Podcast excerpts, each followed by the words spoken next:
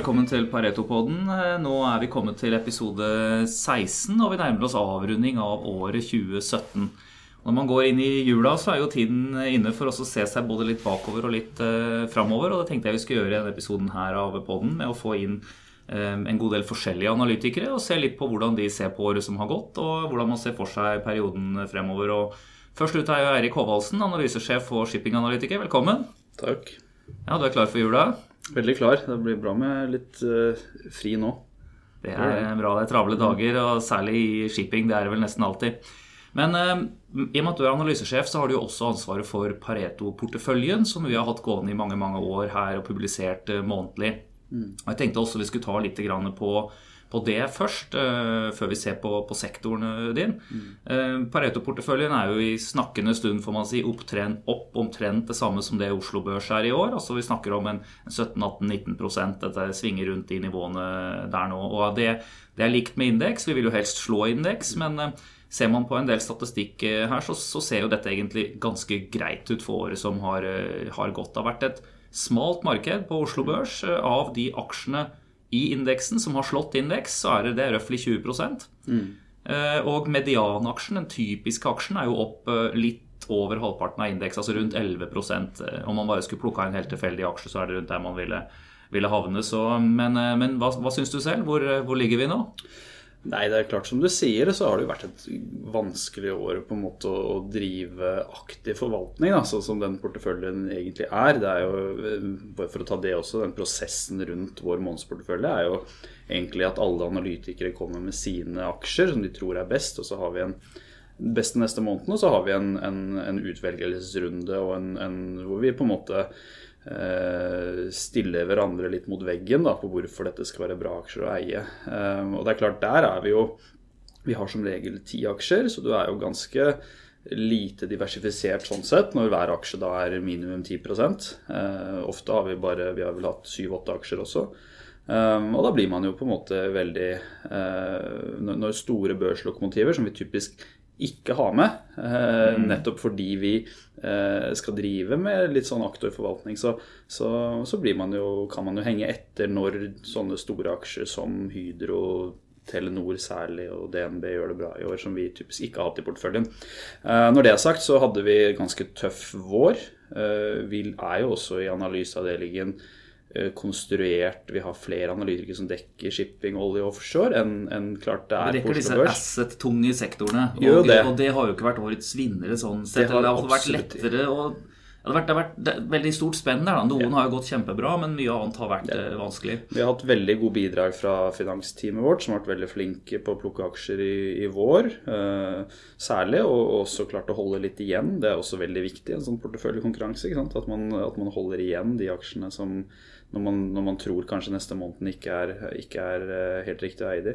Så har vi hatt et fint fjerde kvartal, uh, egentlig, med, mm. med mye uh, Nå blir det faktisk mye shipping i november og desember, som, som du også Kloska, skrev en artikkel om her i november.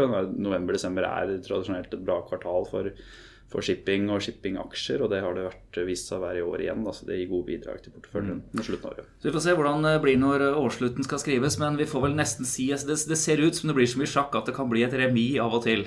Et, så lenge man ikke får tap, så skal vi være fornøyd. Så lenge vi unngår, unngår tap, og det ser ut som vi gjør nå, så, så, får vi ta det med oss.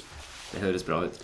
Um, shipping, det er jo den sektoren som du stort sett følger, og teamet ditt rundt deg der. Uh, og der har du jo sektorer som vi har snakket om før, og for de som er lyttere, kan man gå tilbake to knepp på podkasten og så høre en, en, dedikert om shipping. Men, men det er jo et, et brett, en bred sektor hvor du har alt fra industriell shipping til ren spot-eksponering. Hvordan vil du oppsummere året som har, eh, har gått nå i, fra et shipping-synspunkt?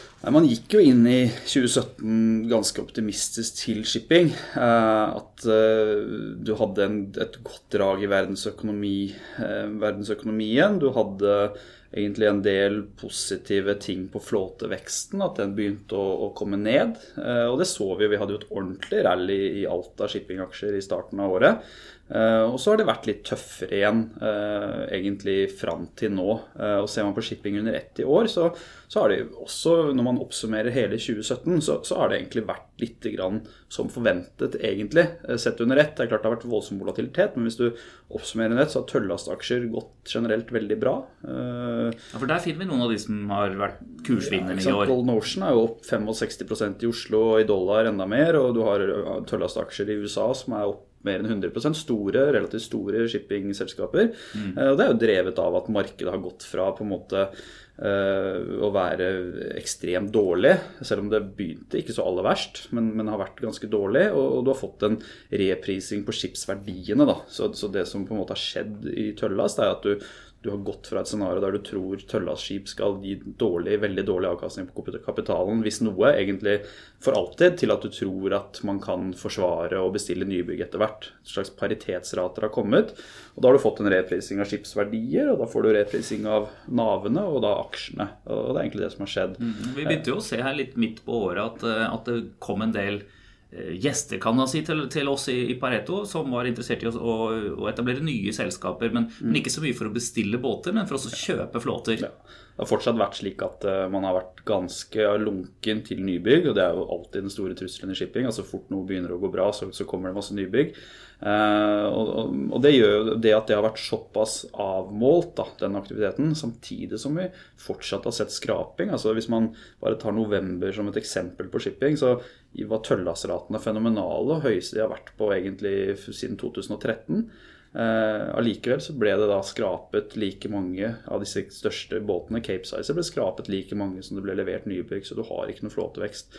Og det er jo det så lenge da det ikke kommer masse ordre nybygg, så, så, og verdensøkonomien igjen eh, fortsetter å gå greit, så, så, mener vi at 2018 og for så vidt 2019 gir ganske god visibilitet på fortsatt eh, god situasjon i tøllastmarkedet. Men du har jo selvfølgelig fått noe av den initielle reprisingen i skipsverdiene. Så for at skipsverdiene skal fortsette å gå, så må du egentlig ha enten høyere nybyggingspriser, som kanskje virker litt usannsynlig nå, det er mye verftskapasitet her, og verftene er ganske desperate fortsatt. Mm. Eller så må du få ordentlig ordentlig superprofitt i inntjeningen. Det kan skje. Um, vi, vi, ser jo at uh, det er veldig høy aktivitet om dagen, uh, til tross for at det på en måte litt, begynner å bli litt lavsesong kinesisk stålproduksjon uh, har kjempemarginer, og det er en veldig veldig viktig driver. Jernmalm er over en tredjedel av etterspørselen i, i tørrlast. Mm. Uh, samtidig som det skjer altså Å lese om Kina om dagen er jo en studie i seg selv. At nå, det, nå, har de stengt ned i liksom byer med 7-8 millioner mennesker. Det er plutselig stengt ned oppvarming offentlig, i offentlige bygninger fordi man har rett og slett ikke gass nok. ikke sant? Og Det har jo vært en sånn ja. overordnet mm. mål for myndighetene å erstatte alt kull med gass, men det klarer de ikke, for de har ikke nok gass.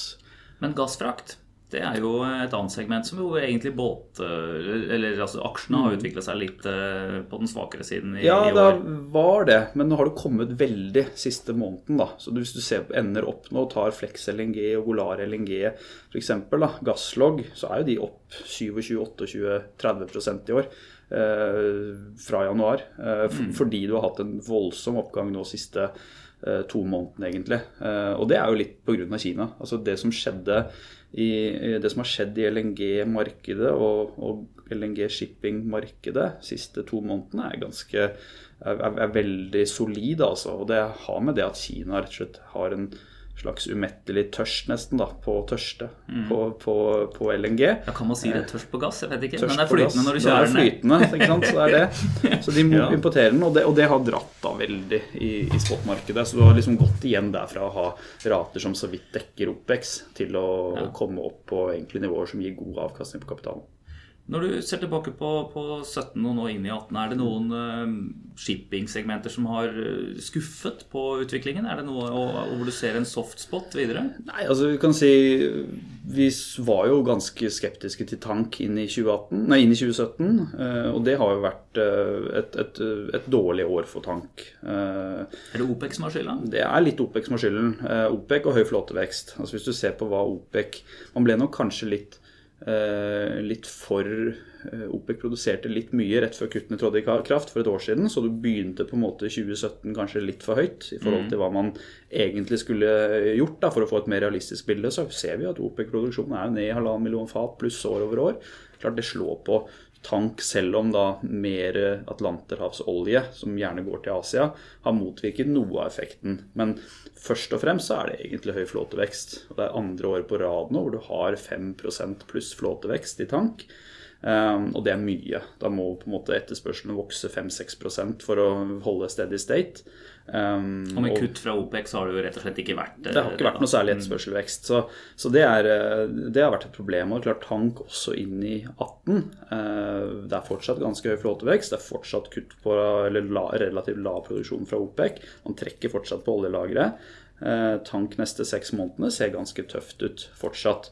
Det har jo derfor også en aksje som Frontline er den i vår P-gruppe som er med neste i år. Eh, mm. Av, av, av, alle.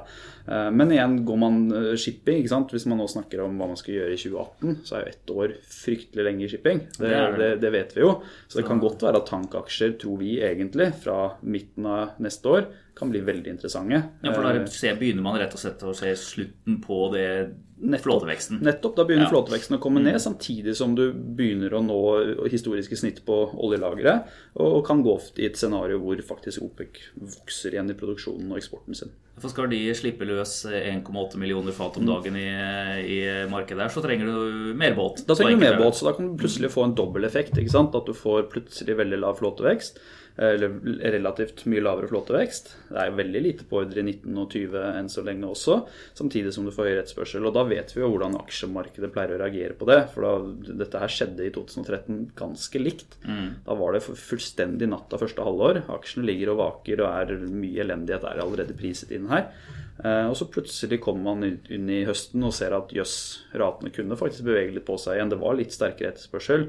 Oi, det er lite på ordre. Og oi, det kommer veldig lite båt neste år og 2020. Og hvis du i tillegg da legger til at flåten begynner å bli ganske gammel, skraping kommer til å fortsette å holde seg relativt høyt, så kan man begynne å lage ganske morsomme oppsidecase. Vi tror kanskje det er litt tidlig. Ja, det er litt tidlig, men der har i hvert fall lytterne noe de kan begynne å tenke på når, eh, når eh, gresset blir grønt igjen, og, mm. og begynne å ta se på, på shippingaksjene innenfor for tank. Men eh, før vi runder av på shipping her, sånn, så, så er det jo det er, det er jo lett å finne ting som svinger mye i shipping, men du har også denne her gruppa i midten som er er eh, svært stabile selskaper og som, eh, hvor det har skjedd en del spennende. Er det, er det, noen spesielle cases du vil trekke fram der på tampen av året, som man også bør eie inn i, i 2018? Ja, Vi har jo sett en Valenius Wilhelmsen Logistics, da, som er et logistikkselskap først og fremst, og, og blir nok, går nok mer og mer i retningen av å bli ytterligere eksponert uh, innenfor logistikksegmentet. Eh, den aksjen er jo opp nesten 70% i år, eh, etter også å ha hatt et veldig bra andre halvår 2016. Så det har vært en fantastisk aksje å eie. Eh, og er jo i market cap egentlig det største selskapet vi følger. Det er jo godt over 20 milliarder kroner i, i, i markedsverdi, selv om selvfølgelig familiene eier mye. Så, så, det er jo et segment igjen som på en måte tjener på økt aktivitet i verdensøkonomien. Det er vanskelig å på en måte putte fingeren på akkurat hva det er som driver det. Nå har du sett at uh, high and heavy, disse volumene begynner å komme tilbake. Gruveselskapene kanskje skal investere litt, som da Valenius Wilhelmsen frakter maskin, maskiner og, og, og, lastebiler og sånn fra uh, til mm. Australia f.eks., hvor mye av dette skjer. Samtidig som egentlig datapunkter på bilsalg har jo vært ganske oppløftende i det siste. Så der kan du jo plutselig få også en, et, et 2018 som, som ser bra ut og kan bli preget av to ting, egentlig. Både at estimatene kanskje kommer litt opp etter hvert, som bilfrakt kommer, eh, kommer eh, litt tilbake, vi ser. Begynner å se tegn til. Eh, og at du kan få en viss uh, multiple ekspansjon, som det så fint heter, ved at de uh, spredder litt bort fra shipping ytterligere da, og blir mer et logistikkselskap som, som, bør handle på høyere multiple enn seks-syv ganger EVBTA, som, mm. som, som, egentlig er ganske Fortsatt oppside der. Det, dette høres bra ut. Da har vi fått mm. hørt litt fra Eirik Håvaldsen på shipping. Sier tusen takk til deg for det. Hyggelig. Ja, hva er vel mer naturlig enn å hoppe fra skip til fish? Fish and chips. Ja. Så eh, nå har jeg fått Carl Emil Kjølås Johannessen, fiskeanalytiker, her sånn, i, i, studio. Fisk er jo en svær sektor hos oss. Vi har hatt podkaster om det før. Eh, 2017 går vel ikke ned som det største jubelåret når det gjelder utviklingen på lakseaksjene, i hvert fall. Jeg ser her at Ose Seafood Index, altså sjømatindeksen på Oslo Børs, er ned 6,7% i snakkende øyeblikk. Mm. Ja, det har vært et uh, veldig volatilt år. Uh, vi begynte jo året på all time high for basically alle aksjene, pluss for lakseprisen. Så falt lakseprisen mye gjennom første kvartal. Det var egentlig litt som ventet, men frykten kom nok litt og tok markedet, og aksjene fulgte etter. Så snudde vel egentlig både lakseprisen og aksjene i begynnelsen av april, og man hadde et veldig sterkt Q2 med nok en gang rekordhøye laksepriser, og også aksjer som steg til eh, iallfall enkelte aksjer mot uh, all time high igjen. Uh, aksjene fortsatte å være sterke egentlig utover høsten, mm. om forventning om at prisen For da falt jo prisen en del, som alltid om høsten pga. sesong. men forventningen var at prisen skulle komme opp igjen, så aksjene holdt seg egentlig forunderlig sterk, syns noen. og vi hadde vel all time high igjen på lakseindeksen eh, i eh, oktober. Eh, men så har man jo ikke fått til dette rallyet som man har ventet på i, i lakseprisen. Nei, for Vi har jo også gått og venta på, på, at det skulle stramme seg til noe ja. mer. Vi har sett litt tilstramning, men, men noe mer fram mot årsslutt nå. Ja, absolutt. Vi, vi, forventet jo at prisen skulle komme igjen opp over 60 nå i, mot slutten av Q4. Men det har kommet mye volum, mer volum enn vi trodde. I tillegg så har etterspørselen vært litt på den svake siden, og det er nok Litt forbundet med at uh, spesielt i Europa ligger det mye kontrakter på høyere priser, og sluttkunden får ikke helt se den lave sportprisen vi har for øyeblikket. Ja, for det, det, der er jo et poeng. altså det som Når man sitter og leser om, om lakseprisene i, på, på, nettet, så er det jo spotprisen man refererer til, og den svinger jo en god del opp og ned gjennom, eh, gjennom året. Og det spot er jo rett og slett levering nå. Hva, ja. hva koster det hvis du skal ha et tonn fisk akkurat nå? Ja. Eh, men samtidig så har du jo at, at ja, Historisk så har vel omtrent halvparten av volumet som selges sørover til Europa, er jo solgt på lengre kontrakter. Ja. Eh, og det som selskapene tjener på, er jo den oppnådde prisen, altså blandingen av spot og eh, kontrakt. Ja. Eh, og utviklingen på den prisen er jo det som typisk går inn i dine regnestykker når du, når du regner på hva, hva tjener selskapene. Ja, og den ser vi jo, den har jo vært høyere i år enn den var i fjor. Hvis du ser på resultatene til Marine Harvest og til eh, Lerøy, SalMar, de store selskapene med mye kontrakter, så har de i snitt oppnådd bedre marginer i 2017 enn de har i 2016, pga. at nettopp kontraktsprisen er kommet opp på et mye høyere nivå. Men det gjør jo òg at sluttbrukere, og da spesielt i Europa hvor mye av kontraktene ligger, har oppnådd eh, Eller har, mot, har måttet da kjøpe laksen for en høyere pris. Eh, og det har hatt en negativ eh, innvirkning på hvor mye volumer man har klart å selge til Europa. Men krone, krone mot euro-utviklingen den har jo vært veldig gunstig for oppdretterne nå i, i, år? Absolutt, og spesielt nå i andre halvår så har det vært en rekordsvak krone. Som har jo da hjulpet litt kan man si, på, på nedsiden. og man kan tenke seg at Hvis ikke kronen hadde vært så svak, så hadde nok lakseprisen falt enda mer enn det vi har sett at han har falt. For han har tross alt vært på høye 40-tallet og over 50 egentlig hver eneste uke. Så fortsatt veldig gode priser i norske kroner. Mm. Men når vi sitter her nå og, skal se inn i 2018, eh, så, er det jo flere faktorer man må følge med på. Det er volumet som skal selges, det er hvilke priser man skal oppnå, det er kostnadene. Mm. Hvordan vil, hvilke bilder vil du tegne her for investorene? Nei, Det som er vårt syn nå, er at 2018 eh, kommer til å bli et år med, med også ganske bra volumvekst. Det har vært ganske bra volumvekst nå i 2017, også drevet av veldig sterk vekst i andre halvår. Inn i 18 så ser man at biomassen i Norge, som er hvor mye fisk man har i sjøen, er på et veldig høyt nivå. Eh, og også i Chile så forventes det mer volumer inn i 18. Vi tror det vil ha en litt negativ innvirkning på pris. Tror at prisen i 2018, også den oppnådde prisen, altså miksen mellom kontrakt og, og spot, mm. vil være noe lavere enn i, i 2017. Hvor mye lavere da? Nei, Nå ligger vi med et estimat på 58 kroner. 2017 ser ut til å bli rundt 60, så litt lavere. Eh, konsensus ligger nok enda litt lavere enn oss for øyeblikket, rundt 55 kroner, vil jeg si. Eh, og det er jo da drevet stort sett av eh, en økning i tilbud på, som folk forventer på mellom 6 og 8% Men For en som sitter i Europa og skal kjøpe inn her en supermarkedskjede, så har du også hatt en svekket krone. Så for de så vil jo dette her være ja, en ja. En merkbar prisnedgang? Ja, men med dagens valutakurs, og hvis du da tror på konsensus på 55 kroner til neste år, så begynner man å snakke en ganske hyggelig europris, som er betydelig lavere enn vi har sett i både 2017 og også i 2016. Mm. Eh, og så er det klart Den volumveksten som man forventer, som da vil være negativt for eh, prisen, vil iallfall i mine estimater være positiv for kostnaden. Man får eh, mer laks å fordele de faste kostnadene på, pluss at eh, volumveksten kommer som en følge av at det er bedre biologi. Det er mindre problemer med, med lakselusen. Eh, og I tillegg så har man da en fòrkostnad som har trendet nedover nå i lang tid. og Dette ser man jo først ett ettertall og et halvt år etter laks, altså prisen Mm. faller. Det er da laksen slaktes. og Det er da man ser effekten. Så fremover så tror vi på, på en lavere kostnad for eh, laksen. Når jeg har møtt eh, de ulike selskapene i denne bransjen, så er jo de, de, de, de er opptatt av det lange bildet. Og der er jo eh, etterspørselsutviklingen eh, svært viktig. Rett og slett at hvor mange skal spise fisk, og, og på hvilke, hvordan, hvilke produkter er det man tilbyr. Eh, Og det man har sett i Norge de siste årene, er jo fremveksten av, av langt mer tilgjengelige, vil jeg si, da, for, for vanlige familier, mm. måltider. Eh, Og dette er jo ting som også har vært rullet ut nå med hell eh, i eh, Europa og, og andre markeder, men hvor, hvor man ikke har kommet like langt som i, i Norge ennå.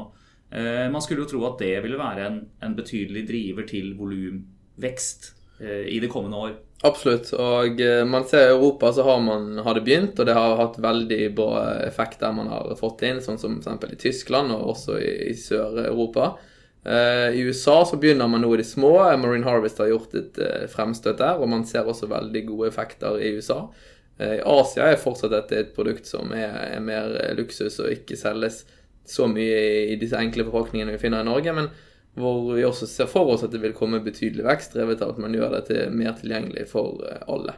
Ja, for det For meg så det, det må jo være en no-brainer å, å rulle ut den type produkter som man ser har vært ekstremt suksessfulle, rett og slett fordi det er mye lettere. Eh, vil du ha sushi, kjøpe en sånn ferdig loin. Vil du ha enkel rett til familien, kjøpe disse ferdige pakkene som man bare setter inn i ovnen.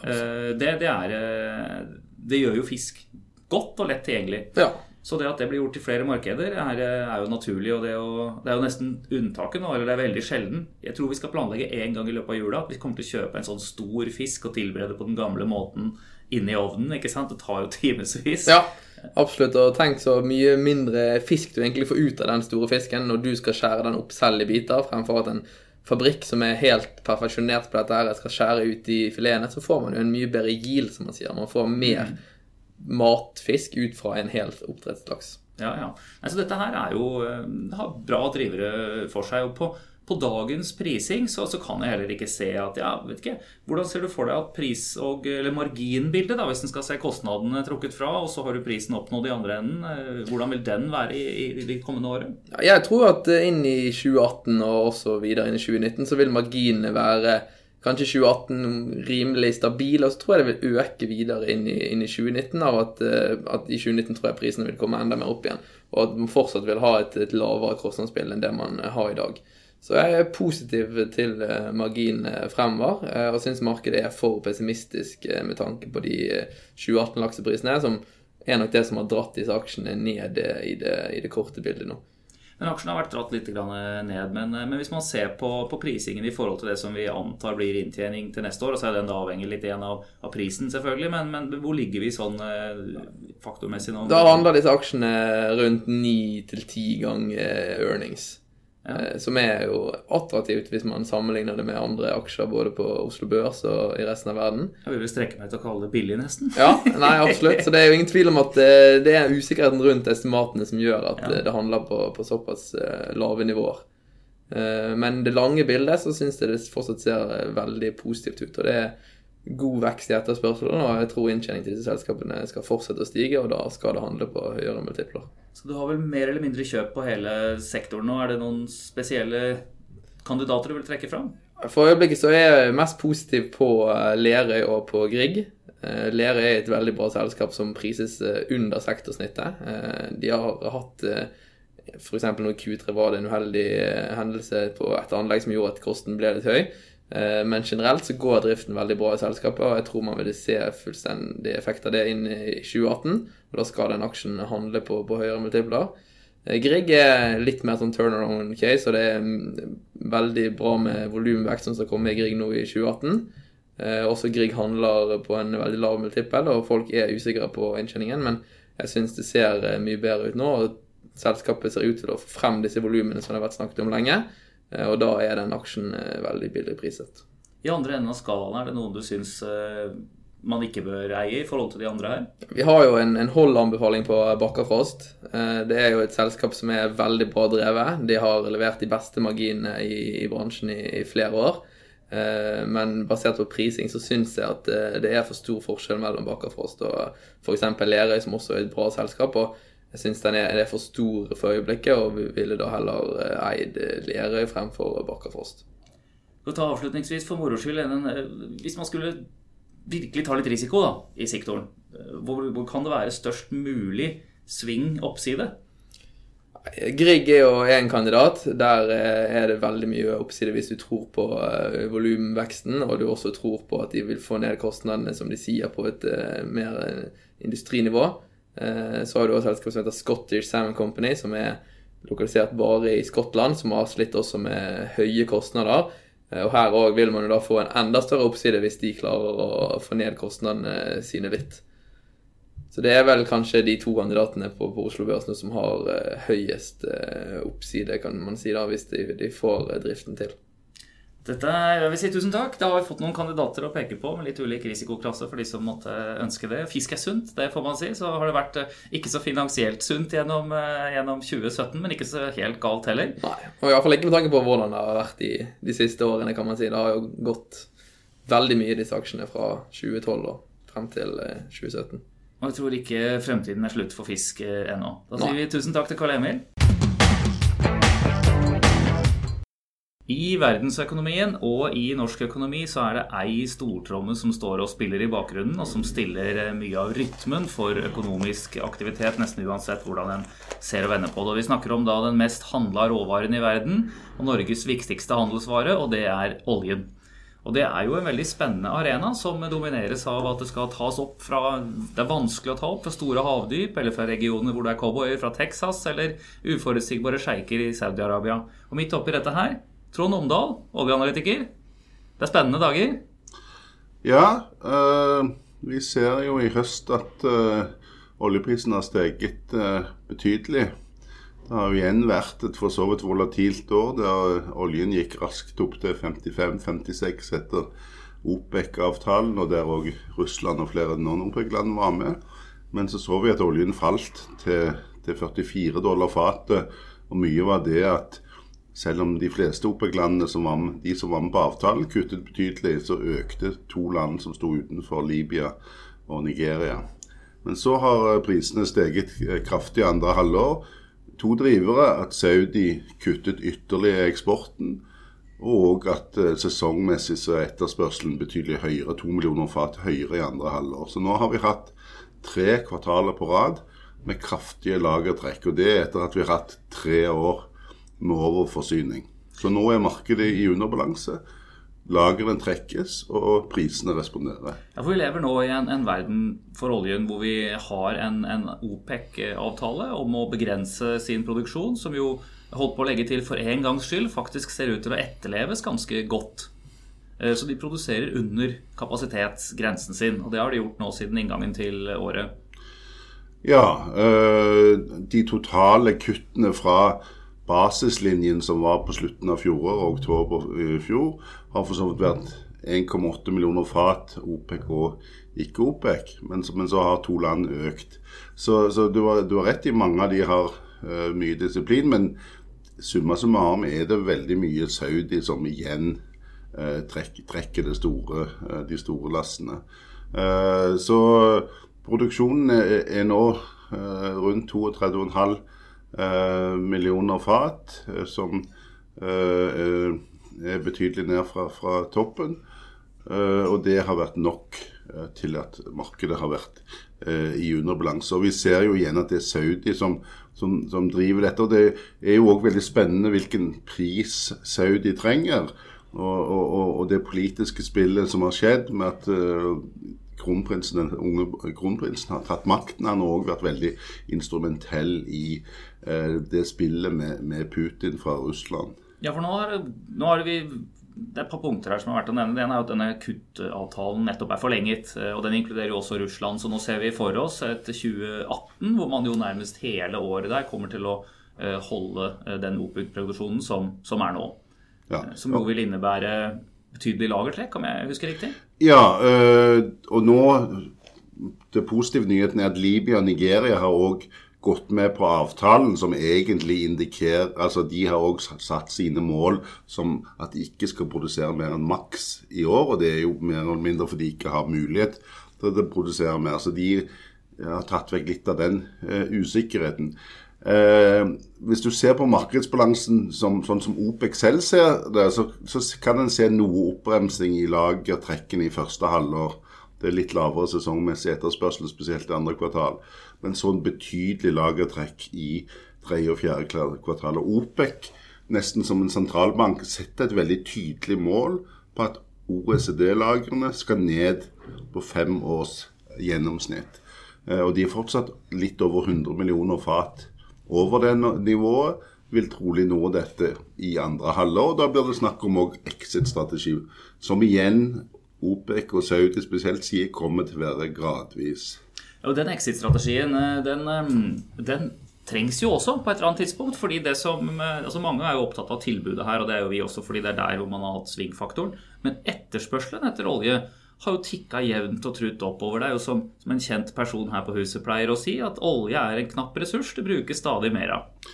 Ja, og, og, og faktisk ikke bare tikke jevnt og trutt opp, men vi har sett en akselerasjon etter oljeprisfallet. Eh, både fordi at det er en priseffekt. Eh, lavere pris gir, selv om ikke umiddelbart, men det har en effekt på etterspørselen. Og du har bedre makro. Eh, du ser at verdensøkonomien nå så er det for første gang siden 2010 så er det ingen store regioner som er i resesjon. Nå har Venezuela, men, men eh, så, så, hvis du ser de ti årene før oljeprisfallet, så var gjennomsnitts oljeprisøkningen Unnskyld, et, unnskyld, oljeetterspørselen var gjennomsnittlig opp 960 000 fat. og da, I den perioden var prisen i gjennomsnitt 90 dollar. Etter oljepriskrasjet har gjennomsnittsprisen vært 50, og det er nesten 1,7 millioner fat økning. Så priseffekt og at øh, global økonomisk veksten akselererer, gir veldig positive effekter. Ja, for Det blir flere folk eh, som skal flytte seg mer, altså transport, og som på alle måter bruker mer energi, rett og slett. Og selv om den kommer fra mange andre kilder også, så er det jo utvilsomt olje som er en av de energikildene som, som høstes mest, og som man da stadig har mer bruk for? Ja, for i, i Norge og for så vidt òg i Vesten, men det snakkes jo veldig mye om denne øh, si, grønne skiftet med mer fornybar. Og fornybar vokser veldig kraftig, spesielt altså disse nye fornybar vindkraft og, og, sol. Men det snakkes kanskje litt mindre om at i år er faktisk første gang siden 1973 at oljen for tre år på rad har økt sin markedsandel relativt til total de andre energibærerne. Før det hadde vi 15 år da dette falt. Eh, så det er igjen litt av de samme effektene med pris og at verdensøkonomien går bedre. Men du sitter, står òg i et annet skifte, nemlig at to land, India og Kina, fortsatt har en veldig energiintensiv vekst. De to landene alene vil stå for 60% av eh, GDP-veksten de neste 20 årene. India er på mange indikatorer der Kina var for 15 år siden. Eh, og, og, du ser det på bilsalg og uh, oljeetterspørsel. Men Kina fortsetter òg har langt igjen før de f.eks. De, de, de har fortsatt bruker bare en fjerdedel av Taiwan, eh, som er òg jo et mm. kinesisk republikk, og, og, Japan og Vest-Europa. Altså, dette her er jo, er jo Man ser en robust etterspørselsside, rett og slett. Eh, så var du litt inne på det i stad, men vi kan gå litt mer i dybden på det når det gjelder eh, tilbudssiden her. Eh, og da er det Saudi-Arabia som er det naturlige stedet å begynne. og Ser man tilbake på 2017, her, så har man jo gått fra et regime med en svært gammel monark som har på en måte vokst opp i en annen tidsalder, til nå hvor landet i praksis styres av en, en 30-åring. Ja, og det er jo dramatisk det som skjedde. At det var et kupp der, der nå Eh, han, eh, altså det, det, var hans onkel som var kronprins, ble avsatt. Og nå er det far-sønn, og det er 32, en 32-åring Mohammed bin Salman som har all makt. Det som skjedde i oktober, var i tillegg eh, ganske dramatisk at du eh, har tatt og fengslet eh, over 200 prinser og, og, og velstående eh, borgere på korrupsjon og faktisk sannsynligvis inndratt snakker de mellom 50 og 100 milliarder dollar for å kjøpe seg fri. Men dette er ganske dramatiske endringer. Uh, og, og en, som, som, Det var en BBC, erfaren BBC-journalist som sa på BBC Insight at det er nesten umulig å overvurdere hvor viktig det han prøver å gjøre er. Han sier det rett ut, har sagt i flere intervjuer bl.a. Financial Times og Guardian, at du prøver å gå tilbake til før 79, før Iran-revolusjonen, før moskeene ble okkupert. Og han sier rett ut at islam har gått i feil vei. I, i, disse 30 årene.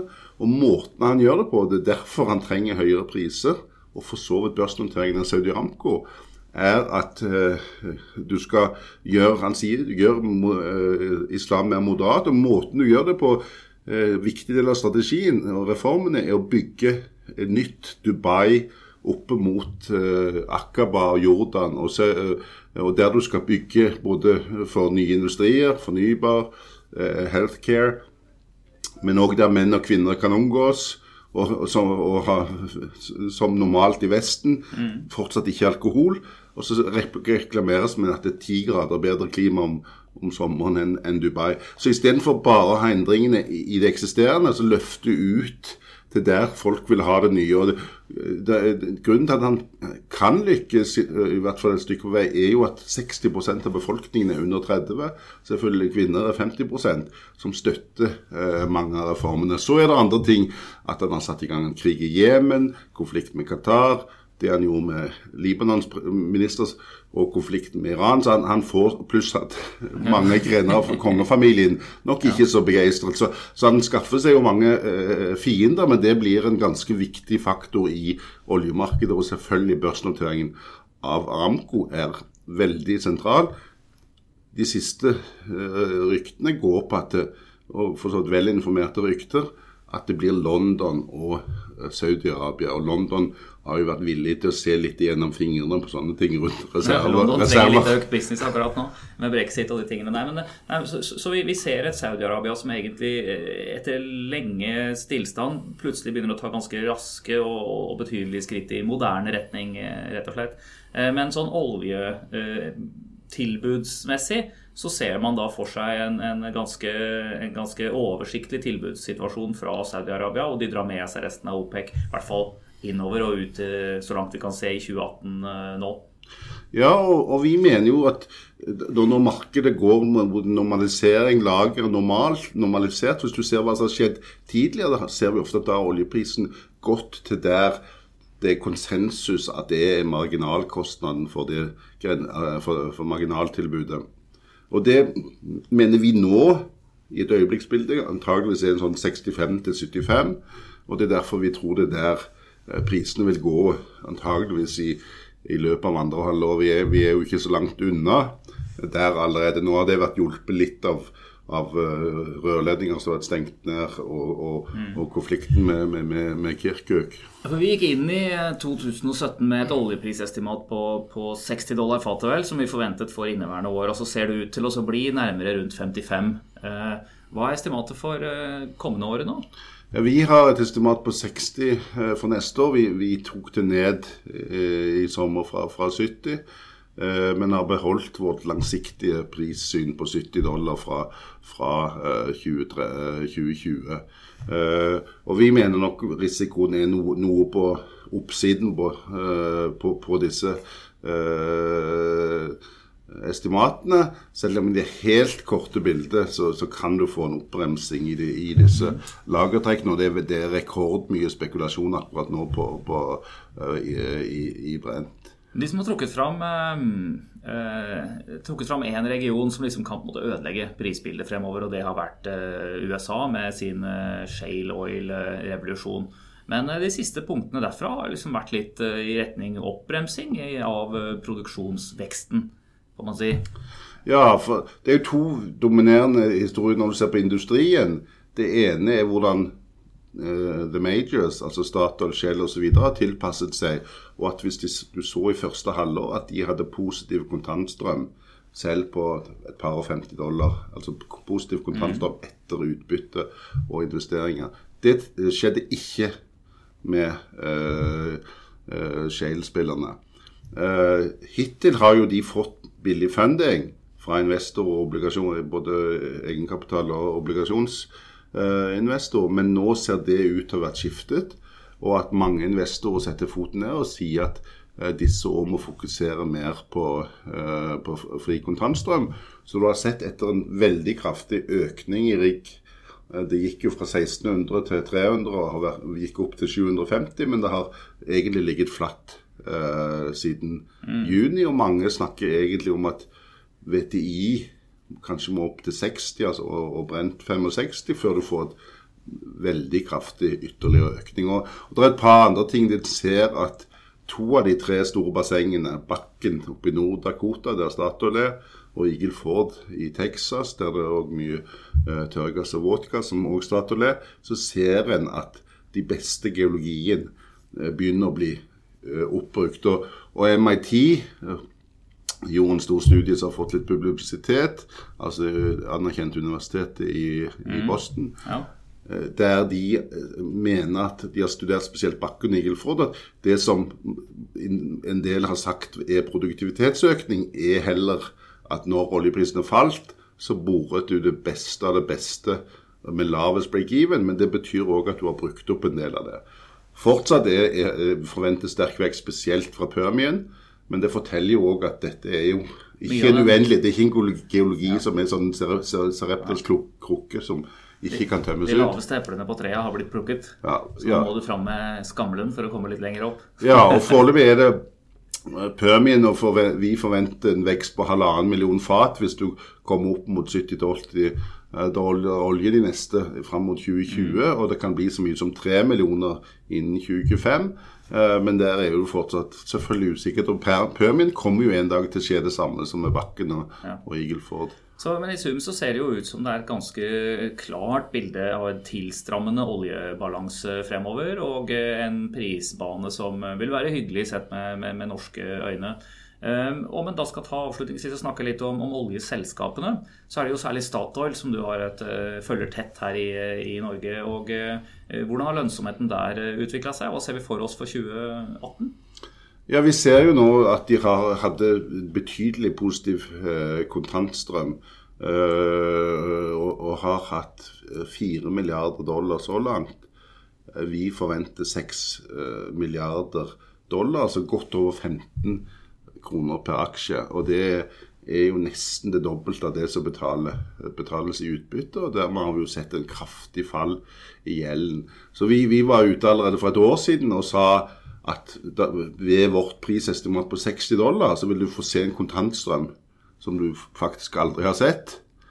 Uh, og nå er det andre banker òg som er ute og snakker om det samme, at, at for hele det spacet, det integrerte Shell Exxon, så, så, kan den Hvis du får 60 dollar, så får du mer, mer fri kontantstrøm enn du har sett på flere, flere tiår. Og Shell kommuniserte det sånn at uh, vi har tilpasset oss for å overleve på dollarpris, oljepriser på 40-tallet. Se hva som skjer på 60 dollar. Og Der er jo et eksempel at de tok opp var deres fri kontantstrømguiding i 2020 til 25 milliarder dollar. Det er et selskap som er priset til 275 milliarder dollar, så nesten, tri, nesten ti, i underkant av 10 eh, fri kontantstrøm. Det samme med, eh, med Statoil, og selvfølgelig ytterligere oppside hvis oljen går til over 70, som vi tror. Kursmålet ditt på Statoil nå, er det om jeg husker riktig 185 eller noe der omkring? Ja, vi, det er 185. Vi tok det ned fra 200 når vi, vi eh, tok lavere pris, men, men vi tror òg at Statoil kommer til å gå i all time high i løpet av denne sykkelen når oljen går over 70 dollar. Og, og vi har sett et veldig god eh, dis, eh, disiplin på, på investeringssiden, men så ser vi òg at selskapet gjør oppkjøp som styrker det langsiktig. Men, men i de sånn fem-seks årene så ser det jo en veldig positiv utvikling. Eh, og Johan Sverdrup deler dette. Men norsk sokkel sin konkurranseevne har kommet kraftig ned. Det vil eh, nok andre av våre oljeserviceanalytikere snakke mer om. Men vi ser jo at break-even til Statoils portefølje av prosjekter før, som starter opp før 2022, er gått fra 70 dollar til 27 dollar. Johan Sverdrup er viktig der. Johan Castberg i Barentshavet ned fra 80 til 35. Og vi ser at mange av de prosjektene som lå på 60-70 i break-even, nå er, jeg på 30-tallet. Det har jo òg oljeministeren Terje Søviknes kommuniserte når han var hos oss på Pareto-konferansen i september. Og, og det, det, dette gir seg jo utslag i en økt investeringslyst. bare i desember nå så har det kommet seks pudder, altså plan for utbygging og drift, sendt inn. Eh, Det kommer en til sannsynligvis. Snorre Expansion. Senest to i dag. Det var vel Yme uh, var, det, var det en av de. Og så Aker BP hadde tre. Eh, og så Johan Castberg. Eh, så over 100 milliarder i investeringer på disse syv eh, feltutbyggingene. Som selvfølgelig vil også være positivt for, for oljeservicesektoren. Det er eh, helt utvilsomt positivt for oljeservicesektoren. Det kommer nok tilbake til med flere analytikere her. Men, eh, men alt i alt så, så har jeg også et inntrykk av at altså, nå, nå, har vi gått fra en fase hvor, eh, nå har vi gått inn i en fase hvor, hvor oljeselskaper som Statoil begynner å generere ganske mye penger igjen. Og, og Statoil er en av de få som, av de, har jeg inntrykk av, som, som ikke har en fallende produksjonsprofil de kommende årene. Men, men vi har jo ikke sett noen sånn stor investeringslyst ennå blant oil majors. Nei, de har jo fortsatt det siste datapunkt og guidingen var jo at de tok ytterligere ned eh, guiding til 10 milliarder dollar i år. Og det var jo eh, Ja, for vi trodde det var Statoil skulle bruke 11, år. Ja, vi, vi, ja fa, faktisk på slutt, begynnelsen av året så trodde vi faktisk at de ville ta guidingen til 10, og så guidet de på 11, og så endte det på, uh, på 10. Men det er det, Min observasjon de 25 årene siden min første jobb i Konoko på begynnelsen av 90-tallet, er at det er en sånn seks måneders timelag. Eh, hva har oljeprisen vært de siste seks månedene, og hva er kontantstrømmen? Og så tilpasser du budsjettene både på nedvei og oppvei. Og den, det som skjedde i vår, når oljeprisen har falt til 44, har nok antageligvis eh, forsinket litt den optikken. Men, men eh, når nå selskapene blir veldig trygge på og kanskje tror at i hvert fall kanskje 55, og for ikke snakke om 60, er et gulv, så ser, vil du se dette. Og selvfølgelig disse planene for utbygging og drift. Og du ser jo òg, eh, som er levert inn til Olje- og energidepartementet, og at Statoil og andre begynner på, på M&A. For faktisk har jo dette året òg vært lo, veldig lovende for M&A. Det er snakk om at en del av de store aktørene trekker seg ut.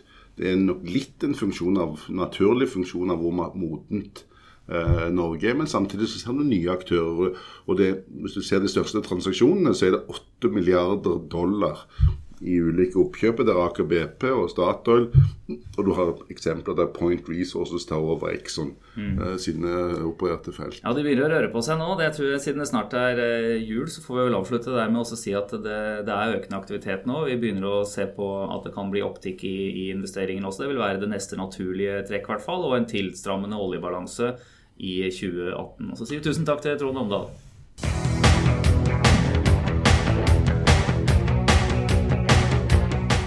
Ja, da har vi hørt eh, Trond Omdal fortelle om en ganske hyggelig ventet oljeprisutvikling fremover, og at det naturlig nok vil, eh, vil være positivt for de store oljeselskapene. Men eh, det vil jo ikke minst være positivt for de mindre oljeselskapene, og der er det jo du, Tom Erik Kristiansen, som, som følger en, en stor eh, gruppe av den type selskaper, egentlig. Velkommen i studio.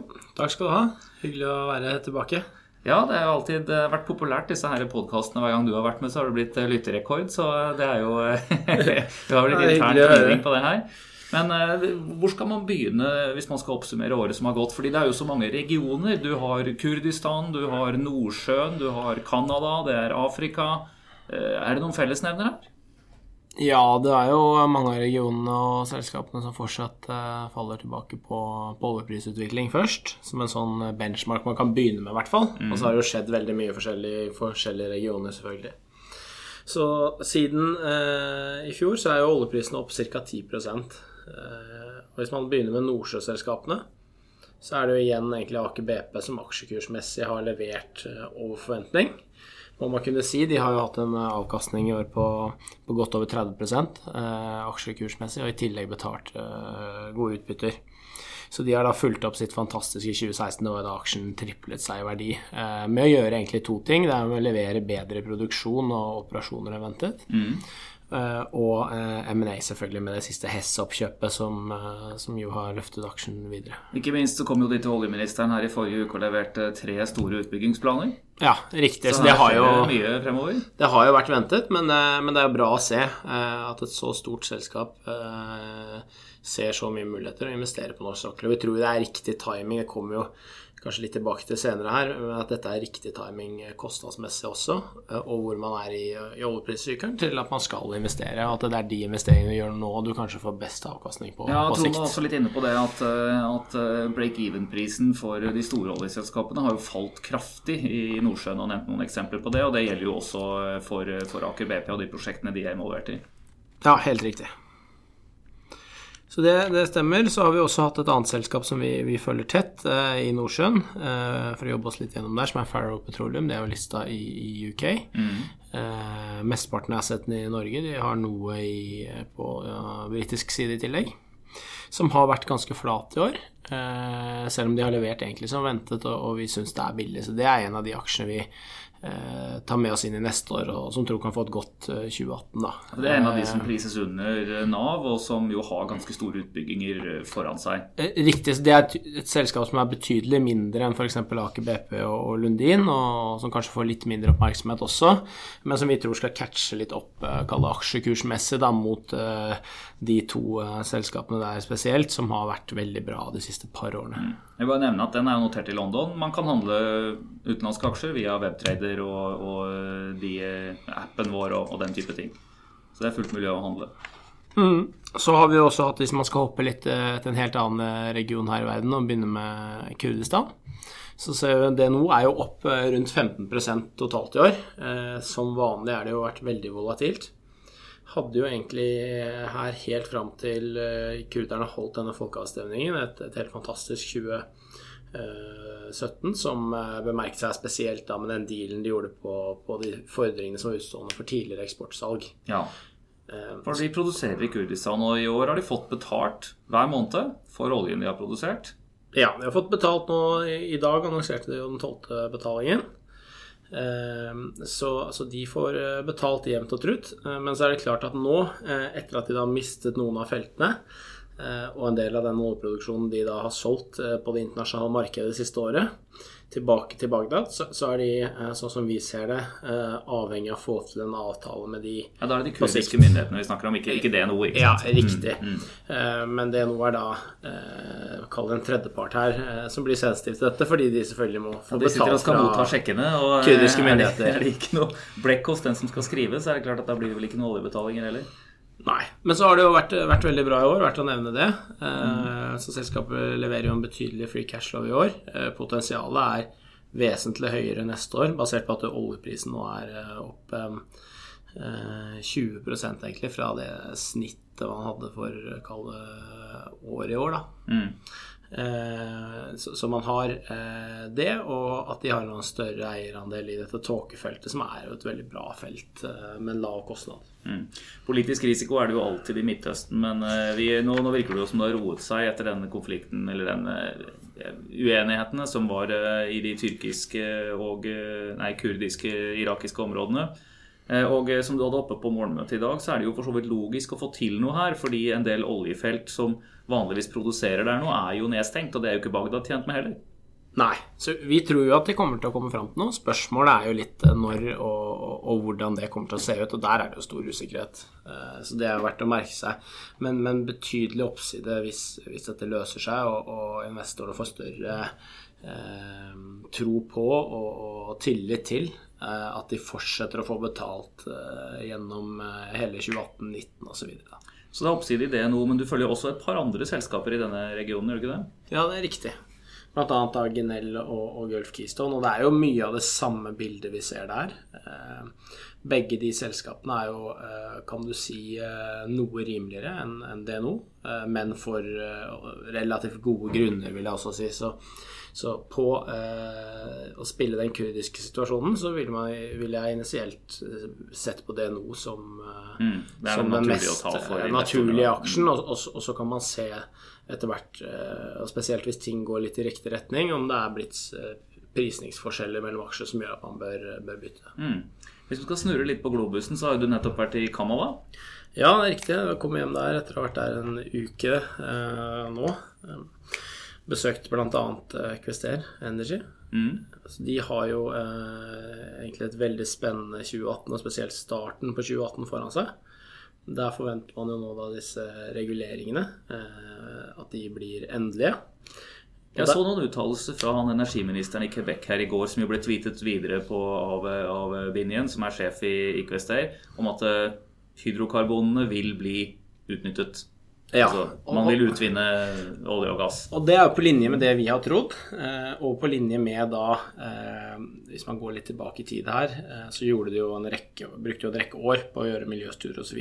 på, på shale-utvinning, som er det du trenger for å bygge ut feltene til bl.a. Kvester Mm. i, i området. Etter å ha gjort det, så har jo myndighetene kommet med en ny energipolicy fram til 2030 som har masse fornybare initiativer osv., men hvor man også har lokal eh, produksjon av olje og gass. Det er jo verdt å merke seg at Quebec er, i dag er en stor importør. Eh, bruker vel over 15 milliarder eh, dollar i året på å importere nettopp olje og gass. Mm. Så å produsere noe mer eh, når man har ressursene lokalt, eh, kan jo være fornuftig der også. Ja, Det er jo viktig å, å minne lytterne på dette her, egentlig. Det blir jo som, eh, som vi har sett i en rekke andre land også. Det, det å bruke massevis av skattebetalernes penger på å importere en råvare som egentlig ligger under føttene deres, er eh, noe som, som kanskje er ulogisk på sikt. Eh, Så at denne ressursen vil bli utvunnet på i et eller annet omfang, er jo, er jo logisk. Ja, man skulle tro det i hvert fall fordi det er relativt eh, lavkostressurs de sitter på eh, i forbindelse med naturgassen de har der. Eh, Og så er det klart det er litt eh, regulatorisk risk igjen. De har jo vært gjennom en, en lengre prosess. Først kom denne policyen, så kom det ny lovgivning som er stemt igjennom. Og så skal det jo nå da reguleringene til lovgivning komme. Eh, Og det er klart den, den er jo viktig, for det kommer til å avgjøre hvor enkelt eh, det er å bygge det ut. Og, og det er selvfølgelig mulig å spekulere i at de kan utformes eh, på en måte som gjør at man ikke i praksis får, får bygd ut. Nå tror ikke vi det kommer til å skje. Det har jo vært et forslag ute på høring. Eh, Den høringsperioden er over. Så nå sitter myndighetene og ser på de tilbakemeldingene jeg har fått der, før de da kommer med en endelig regulering. Og det er jo da energiministeren som, som nettopp har vært ute og vært relativt positiv til utbygging av olje og gass, som skal komme med de. Eh, Så vi forventer jo ikke noe voldsom dramatikk i det, egentlig. Eh, Men det er klart det er jo fortsatt en, en risiko. Eh, Men her får man jo da et svar i januar-februar neste år, tror vi, så relativt tidlig på nyåret. Og det bør jo, hvis de reguleringene ligner på utkastet, bli positivt for, for QSR. Det vil jo da i praksis være det siste regulatoriske hinderet. Og så er klart at det er flere ting som skal på plass. Man har en stor partner i Repsol eh, som sikkert bruker litt tid på å finne ut hvordan de har lyst til å gå i, i gang med dette prosjektet, eh, osv. Men det er også verdt å nevne på Kvester, og da kan man jo ta det i sammenheng med et par andre selskaper vi følger i den sektoren, at de, de har jo produserende felter i dag i midtre del av Canada. Og der er det også stor, stor aktivitet. Der skjer det veldig mye. Det er jo i Montney-området, som er eh, på mange måter en lignende ressurs som de store shale-spillene du har over i USA, Permian, Eagle Ford osv. Mm. Eh, men som jeg tror man, eh, i hvert fall hvis man ser hele strukturen under ett, kan si at det nok eh, ligger et par år bak i for, form av utviklingsstadiet. da, I forhold, til hvor USA. Permian og USA er. Eh, men her borer jo QSR eh, sammen med partnere i dag og har god lønnsomhet eh, og nyter godt av en høyere oljepris, selvfølgelig. Det er jo verdt å, å nevne at de i, i form av den posisjonen de har der, er jo eh, nettopp som de amerikanske shale-selskapene, de som kanskje har den største fordelen av marginaløkningen i overpris fra 50 til 60 f.eks. Fordi det tillater de å, å, å investere kjappere og, eh, og få igjen pengene eh, så de kan reinvestere de. Og vokseproduksjonene har god lønnsomhet. Ja, for Lønnsomheten har jo blitt bedret mye, ikke minst pga. teknologiske fremskritt her, hvor eh, rett og slett kost per eh, meter boret og hastighet på den man gjør det på, også har, eh, har vært under bedring. og Dette har vi sett masse grafer på fra, fra Kvester. Men verdt å nevne er jo også at det skjer mye transaksjoner i det området her. Så her er det kjøp og salg av felter, og, og en del av de, om ikke veldig store, så iallfall halvstore spillerne som også beveger på seg. Absolutt, det er, det er helt riktig. så Så har man hatt ganske mye transaksjoner. Eh, Ser man de siste 18 månedene, så er det vel over 3 milliarder dollar totalt. Eh, Og det er jo spennende for QSTR også på sikt, eh, om de kan realisere noen av verdiene her nettopp gjennom salg. Fordi På norsk sokkel så har man jo, har jo kanskje 2017 vært preget av, og for så vidt eh, 2016 også, større grad av kjøp og salg av porteføljer eh, av ting som er delvis under produksjon, eller som skal settes i produksjon, men som man har funnet Det har ikke vært noe særlig fokus på leting, i hvert fall mye mindre enn en før. Eh, Og, eh, og dette er vel også noe som vi kanskje ser eh, der borte. At liksom Ja, det man har sett eh, til nå i stor grad, er jo at de bra finansierte større spillerne eh, som ser framover og, og ønsker å sikre seg areal i shale, eller funn i Nordsjøen for, for videre vekst, de har jo da gått inn og kjøpt de ressursene som egentlig allerede er funnet, eh, i stor grad. Og blitt belønnet av det eh, av markedet også. Eh, fordi det er ressurser man ser på som da stort lønnsomhet, og det er en naturlig steg også at et leteselskap eh, som ikke har den tilgangen på kapital, og heller ikke er spesialister på utbygging ofte, eh, tar det prosjektet videre i, i, inn i neste fase ved egentlig å selge det, da. Så det er riktig. Så tror vi at det er viktig, spesielt i Nordsjøen, å, være litt obs på, at leting også kan skape store verdier, og at et selskap som Aker BP f.eks. fra de guidet inn i starten av 2016, så nesten to år tilbake nå, eh, har jo doblet egentlig eh, letevirksomheten, eller letebudsjettet sitt, da. Eh, Ja, Aker BP er jo et, et selskap som er i ferd med å bli, eller har allerede blitt, får jeg si, ganske stort. Ja. Kan man si noe billedliggjøre litt i, for de som ikke kjenner det godt? altså hvor, hvor mye produksjon er det snakk om at de kommer til å ha i løpet av relativt kort tid her? Etter at Sverdrup kommer i produksjon, det er jo to år unna nå, så kommer Aker BP til å produsere over 200 000 fat eh, per dag på norsk sokkel. Eh, da hovedsakelig olje. Eh, som jo er, er mye. Eh, kan jo, og vil jo gjøre det til den største oljeprodusenten. Det er de for så vidt allerede. Eh, hvis du tar vekk da Statoil og, og Petoro spesielt. Så de blir en veldig viktig spiller på norsk sokkel sammen med Lundin Petroleum. Eh, og det er jo nettopp de to selskapene, eh, sammen med selvfølgelig Statoil, som kommer til å være den store motoren på, på videre leting og investeringer, eh, hvis man ser fem-ti år fram også. Hvis du skal ta tegne et bilde av hva vi venter av utvikling her i, inn i 2018, da, hva, hva skal man si? Hva er det som lyser mot deg? Jeg synes jo, eh, Hvis man begynner med Nordsjøen, så er jo Aker BP et selskap som eh, man kan si selvfølgelig er, er dyrt på Nav. En del fokuserer på det. Det er riktig selvfølgelig å være klar over det. Eh, vi syns det er eh, billigere på vår verdsettelse nå enn det var for et år siden. Eh, I mellomtiden har aksjen gått 30% så vi- tror egentlig at eh, det er et selskap som eh, kommer til å fortsette å levere så bra og har så spennende utsikter eh, at man skal fortsette eh, å eie det. eh, Og at man det rett og slett bare må finne seg litt i eh, og og betale mer for et selskap som har levert eh, så bra over de siste årene.